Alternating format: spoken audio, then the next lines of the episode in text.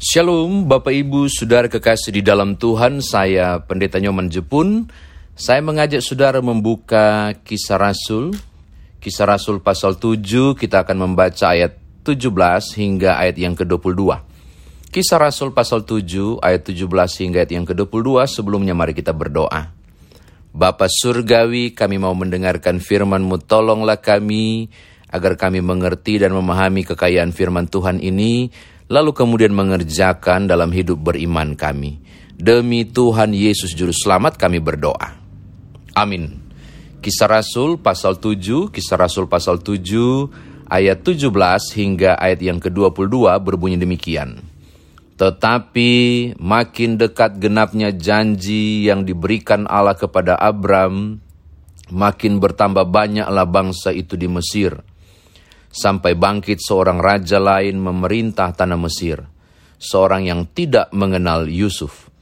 Raja itu mempergunakan tipu daya terhadap bangsa kita dan menganiaya nenek moyang kita, serta menyuruh membuang bayi mereka supaya bangsa kita itu jangan berkembang. Pada waktu itulah Musa lahir, dan ia elok di mata Allah. Tiga bulan lamanya ia diasuh di rumah ayahnya. Lalu ia dibuang, tetapi putri Firaun memungutnya dan menyuruh pengasuhnya seperti dan menyuruh mengasuhnya seperti anaknya sendiri. Dan Musa dididik dalam segala hikmat orang Mesir, dan ia berkuasa dalam perkataan dan perbuatannya. Demikian firman Tuhan, saudara dan saya dikatakan berbahagia jika mendengarkan firman Tuhan ini, merenungkannya, memberitakannya, istimewa mengerjakan dalam hidup sekalian kita. Bapak Ibu Saudara pendengar radio yang dikasihi oleh Tuhan, kalau saudara membaca teks ini, saya yakin saudara seakan mengenang peristiwa-peristiwa yang terjadi di sekitar kejadian pasal 37 dan seterusnya tentang kisah Musa, eh, kisah Yusuf sebelumnya dan running lebih jauh. Kalau saudara membaca kemudian di kisah ayat 17 sampai ayat yang ke-34 atau barusan yang kita baca, kita akan menemukan kisah itu di Keluaran pasal 1 ayat 7 sampai pasal 3 ayat 10. Jadi kok kayak kayak kisah Keluaran nih kisah ini. Nah, saya ajak saudara untuk mundur dulu untuk mengetahui mengapa muncul teks ayat 17 sampai 23. Ini merupakan isi dari argumentasi pembelaan Stefanus ketika dia ditangkap dan dibawa ke Mahkamah Agama. Siapakah Stefanus? Stefanus itu adalah satu dari tujuh orang diaken yang dipilih. Tugas diaken waktu itu adalah para rasul bilang begini, wah kami kewalahan kalau harus mengurus orang miskin, para janda kewalahan, kan tugas kami beritakan firman. Bagaimana kalau kita memilih orang yang ditugaskan khusus untuk orang-orang miskin, para janda, yatim piatu, atau pelayanan-pelayanan sosial, atau pelayanan meja untuk beri makan. Maka lahirlah jabatan yang disebut dengan diaken. Nah, tujuh orang diaken inilah yang ditugaskan untuk melayani secara sosial. Menarik sekali, ternyata bukan cuma melayani meja, bukan cuma memberi makan orang yang susah. Ada satu orang yang luar biasa, namanya Stefanus. Dia juga bukan hanya mengerjakan tanggung jawab sosial, yaitu memberi makan orang dan melayani mereka yang membutuhkan cinta kasih Tuhan. Tapi dia juga memberitakan firman. Karena itu tolong baca pasal 6 ayat 8 sampai ayat 15. Itu akar persoalannya yaitu ketika dia memberitakan firman, dia mengajar dan dia bersaksi, wow, hikmatnya luar biasa, roh mendorong dia untuk mengatakan sesuatu-sesuatu yang sangat penting. Tolong lihat ayat 10 pasal 6 tetapi uh, pasal 6 ayat 10 ya, tetapi mereka tidak sanggup melawan hikmatnya dan roh yang mendorong dia berbicara. Nggak bisa mau tidak ada yang bisa kalahkan uh, Stefanus berargumentasi tentang kebenaran-kebenarannya. Cemburu, mereka pada cemburu, orang-orang Yahudi ini cemburu, khususnya yang dari Libertini, Alexandria cemburu banget dan tangkap dia, bawa ke mahkamah agama, lalu cari saksi dusta. Orang ini mengajarkan bahwa ada seorang yang bernama Yesus dari Nazaret yang akan merobohkan tempat kita ini. tiga hari, lalu membangunnya kembali. Jadi mereka melakukan propaganda luar biasa supaya kemudian Stefanus dipenjara, diadili, lalu kemudian bisa jadi dihukum mati misalnya. Tetapi dalam tradisi budaya pengadilan, terdakwa diberi kesempatan berargumentasi terdakwa diberi kesempatan untuk membela diri. Nah, yang kita baca dari pasal 7 pasal 7 ayat 1 hingga ayat yang ke-53, wow 53 ayat ini berisi argumen pembelaan Stefanus tentang apa yang ia pegang di dalam kebenaran. Oke, okay? jadi ini seperti kita mendengar orang berkhotbah perjanjian lama. Karena dia berkisah dari Abraham sampai kemudian orang Israel saat itu berada. Jadi panjang banget 53 ayat. Nah, sekarang mari kita masuk ke dalam teks.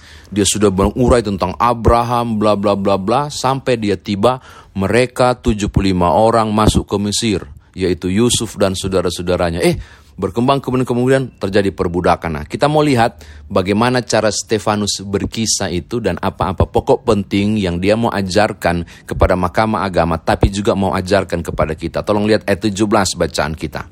Ini catatan pertama. Tetapi makin dekat genapnya janji yang diberikan Allah kepada Abraham, makin bertambah banyaklah bangsa itu di Mesir apa janji Tuhan kepada Abraham? Ayat 17 itu apa? Janji Tuhan Abraham itu saudara bisa rujuk pasal 7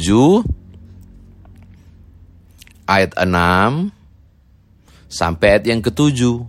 Pasal 7 ayat 6 sampai 7 bilang begini, bahwa keturunanmu akan jadi keturunan yang besar Abraham. Dan mereka, tapi mereka akan diperbudak di Mesir Abraham. Tuhan bilang begitu janjinya. Jadi ketika saudara baca ayat 17, tetapi makin genap dekat genapnya janji yang diberikan Allah kepada Abraham, berarti orang Israel, keturunan Abraham, saudara-saudara Yusuf dan seterusnya turunan demi turunan itu, ketika Yusuf sudah mati, tidak ada raja Mesir yang kenal tentang budi baik yang dibuat oleh Yusuf. Akhirnya seluruh turunan Yusuf dan seterusnya itu, yang juga adalah turunan Abraham, diperbudak. Itu dia. Jadi dia memulai dengan kisah ini. Proses bagaimana umat Israel mulai diperbudak. Dan saya kira saya tidak perlu menjelaskan lebih jauh tentang bagaimana proses yang berat yang juga disampaikan ayat 17, ayat 18, dan ayat 19 tentang bagaimana Israel menderita disampaikan oleh Stefanus. Saya justru tertarik pada ayat 20 sampai ayat 22 ketika Stefanus berkisah berkisah tentang seorang tokoh yang sangat diagung-agungkan para mahkamah agama yang nangkap Stefanus itu dan diagung-agungkan oleh seorang Yahudi semuanya tentang kebesarannya yaitu Musa. Nah, dia berkisah di sisi itu. Dan menarik sekali cara penyampaian Stefanus ini sangat luar biasa dia mengajak mereka meruntut sejarah yang benar tuh kayak apa tentang Musa. Nah Bapak Ibu, lepas dari apa yang disampaikan oleh Stefanus, saya menarik beberapa hal penting pesan khusus yang luar biasa dari teks ini. Perhatikan ayat 20 dan 20 sampai 22 saya bacakan ya. Pada waktu itulah Musa lahir dan ia elok di mata Allah. Tiga bulan lamanya ia diasuh di rumah ayahnya lalu dibuang, tetapi putri Firaun memungutnya dan menyuruhnya mengasuhnya seperti anak sendiri. Memungutnya. Bahasa Ibrani dari Musa itu diambil atau diangkat atau dipungut gitu. Cuma orang bilang, oh Musa artinya diangkat dari air. Bukan. Tidak ada kata air di kata Musa. Musa. Moseh. Itu berarti yang diangkat atau yang diambil bisa berarti diangkat anak, bisa memang diambil dari air waktu kemudian dibuang toh. Jadi yang saya mau katakan hal yang pertama perhatikan baik-baik. Ketika Tuhan mau pakai Musa, dia memulai dengan proses yang tidak menyenangkan loh. Yaitu dia dibuang lalu kemudian diambil oleh istri permasyuri Firaun, putri Firaun mengambilnya.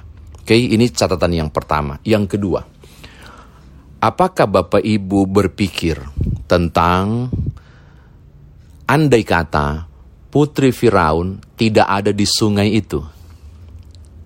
Oke, okay? lalu akan ke manakah Musa bayi, Musa kecil ini di dalam petih itu yang ditaruh dalam dibungkus dengan ter supaya tidak masuk airnya. Apa yang terjadi? Apa yang terjadi jika kemudian putri Firaun tidak ada di aliran sungai Nil itu? Saya kira jawabannya mudah. Musa nggak akan pernah jadi Musa seperti yang ini, yang ada ini. Oke, okay? dia akan ikut arus, nggak tahu, mati kali si bayi ini. Tetapi kan kisahnya tidak. Dan saudara tolong lihat bahwa putri Firaun syukurnya ada di situ. Lalu kita berkata, untung Firaun PP anak itu ada di situ. Untung putri Firaun ada di situ. Oh Bapak Ibu, banyak orang barangkali berpikir itu kebetulan. Saya juga mau mengatakan ya, saya setuju itu juga kebetulan. Kebetulan dia ada di situ. Tapi saya mau kasih tahu saudara, bahwa Allah turut bekerja dalam segala sesuatu. Segala sesuatu termasuk kebetulan. Ketika dia merancangkan sesuatu, ini luar biasa. Bahwa kebetulan si putri Firaun itu ada di situ. Justru kebetulan itulah Tuhan bekerja menyatakan sesuatu. Dengan kata lain, rancangan Tuhan tidak bisa dipahami. Rancangan Tuhan tidak bisa dimengerti. Cara Tuhan menolong Musa dari perspektif manusiawi, saya mau bilang, pakai cara kebetulan. Kalau saudara bilang itu kebetulan. Tapi saya mau katakan, Allah turut bekerja di dalam kebetulan itu. Apa maksudnya? Tuhan merancangkan cara dia menolong melalui peristiwa tertentu, melalui tokoh tertentu. Dalam hal ini, peristiwa putri putri Firaun pergi ke sungai Nil dan peristiwa tokonya adalah putri Firaun ada di situ. Saudara lihat, ini menarik kan? Rancangannya menarik sampai di situ. Oke, ini catatan kita yang kedua. Catatan terakhir yang ketiga Bapak Ibu, saya tertarik di ayat yang ke-22. Musa dididik dalam segala hikmat orang Mesir dan ia berkuasa dalam perkataan dan perbuatannya. Dari kecil dia dididik dengan seluruh model kepinteran orang-orang Mesir. Saudara lihat, wow. Setelah dewasa diberi pemahaman tentang strategi perang dan sistem pemerintahan Mesir. Bahkan bagaimana kemudian segala sesuatu dibuat dan diatur sedemikian rupa. Bagaimana kemudian sistem kerajaan yang harus dibuat dan seterusnya. Saudara menemukan hal yang sangat penting Bapak Ibu. Bahwa tidak kebetulan dia ada di Mesir dan ternyata ilmu yang dia dapat itu, dia pakai menjadi seorang pemimpin besar yang membawa keluar 400 ribu orang. Wah, 400 ribu orang yang dibudak. Dari 75 yang masuk Mesir, yang keluar itu 400 ribu orang.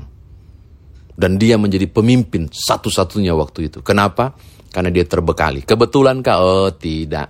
Tuhan menolong Musa dan menyiapkan Musa dengan cara yang terlihat kebetulan, tapi Allah juga bekerja di dalam kebetulan itu. Oke, okay? saya kira demikian firman Tuhan ditafsirkan bagi kita. Nah sekarang bagaimana kita bawa dalam kehidupan beriman kita. Yang pertama saya mau soroti Stefanus dulu. Berapa banyak orang yang ketika ditekan luar biasa, akhirnya untuk cari selamat demi kepentingan diri, ya sudahlah ikut arus saja. Oke, okay? saya dapat sesuatu loh Bapak Ibu, Stefanus ini luar biasa.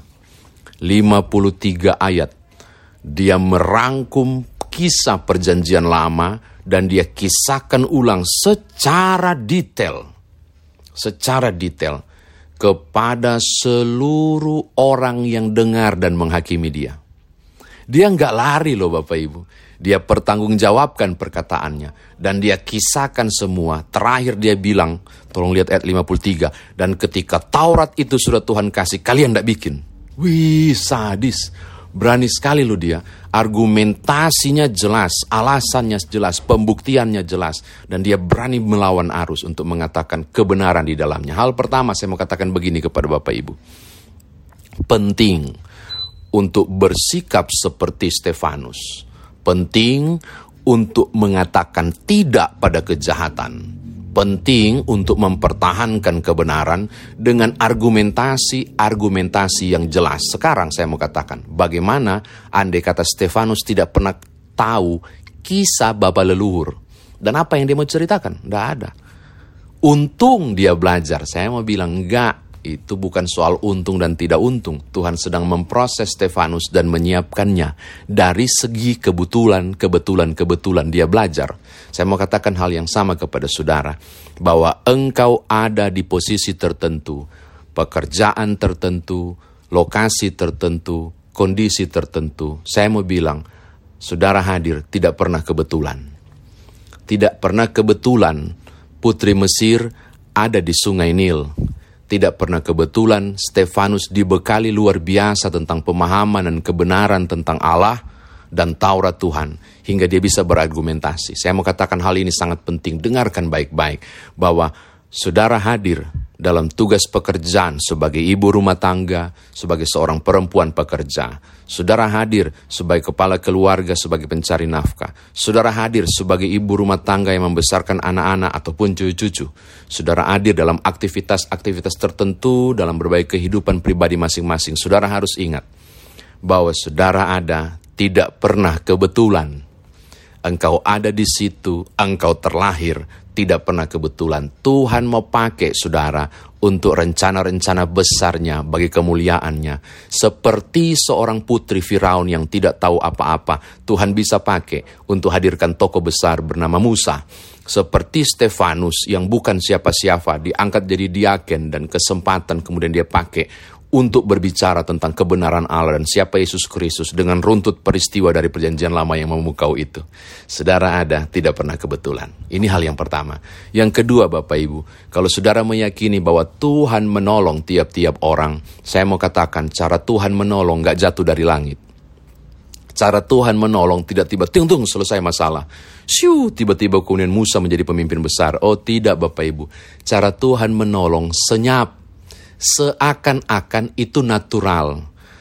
Seakan-akan itu hal yang biasa. Bukankah hal yang biasa dalam tradisi budaya seorang putri Yerusalem, eh putri Firaun pergi berkeliling dan melihat berbagai lokasi, lalu kemudian tiba di Sungai Nil?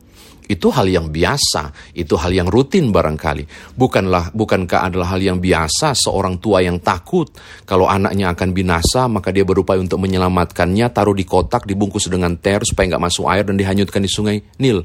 Barangkali itu cara biasa. Bukankah itu suatu hal yang wajar jika untuk survivekan anaknya dan selamatkan anaknya? Saya mau kasih tahu kepada Bapak Ibu. Cara Tuhan menolong terkesan alami. Sealaminya datang putri Firaun ke Nil.